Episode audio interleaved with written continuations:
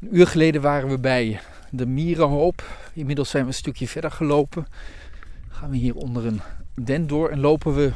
Ja, ik denk dat dit voormalige heide is toch? Ja, allemaal pijpenstrootje geworden.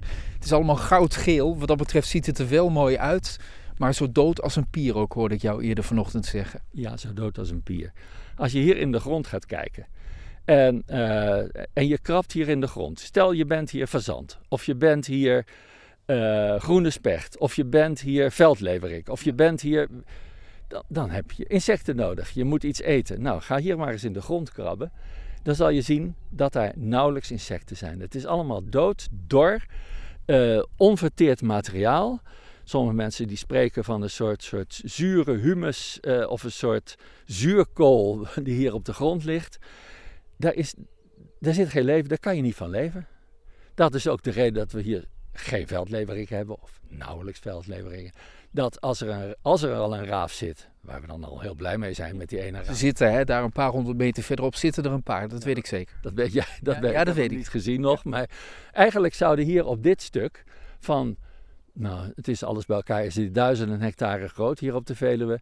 Zouden, als het systeem zou werken en dat zou levend zijn, en uh, er zouden grote aantallen runderen en paarden en wilde zwijnen en herten en weet ik wat, dan zouden hier dus nu omstreeks deze tijd heel veel nageboortes zijn. Heel veel. He, niet, niet één of drie. Of, en dan hadden we hier 20, 30, 40 raven. Ja. Maar heel veel placenta's, heel nageboortes, ja, die worden ja. opgegeten door de raven bijvoorbeeld. precies. Maar nou, wacht even, hè, want we zitten ook een beetje met de tijd vanochtend. Want ik wil zo graag uh, weten, is, is dit zo ten dode opgeschreven dat er geen oplossing meer mogelijk is? Of zie jij oplossingen? Ja, jij gaat naar de toekomst toe. Ja, precies. Ik wil het positieve erin hebben ook. Ja, hartstikke fijn.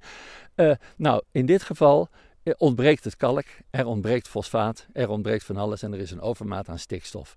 Wat je hier zou kunnen doen, dat is depots maken van kalk. En als jij als beest kalk nodig hebt, dan ga je die mergel eten. Of je gaat dat, uh, dat schelpengruis eten, of je gaat het steenmeel eten. Dus als je gewoon op gemakkelijk bereikbare plekken depots maakt, dan wordt daar, kan je heen gaan. Dan word je, daardoor word je zelf sterk, want je eet dat spul. Maar je poept het ook weer uit.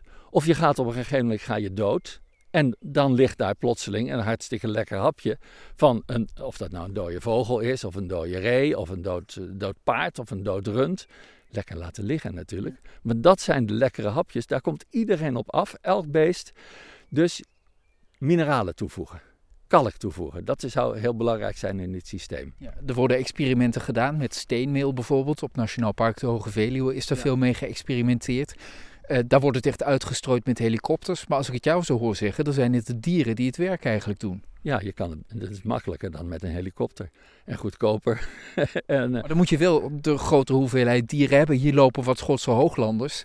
Ja, ik weet niet precies hoeveel het er zijn, maar het, het, het zijn er geen 50, denk ik. Nee, dat denk ik ook niet. Uh, maar het, het, terrein zou groot genoeg zijn als het een beetje levendig was en er waren al, die, al die stoffen waren aanwezig die ze nodig hebben.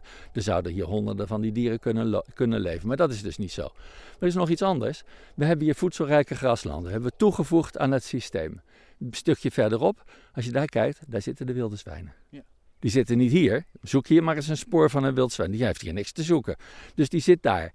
Waarom zou je daar niet goede stoffen toevoegen?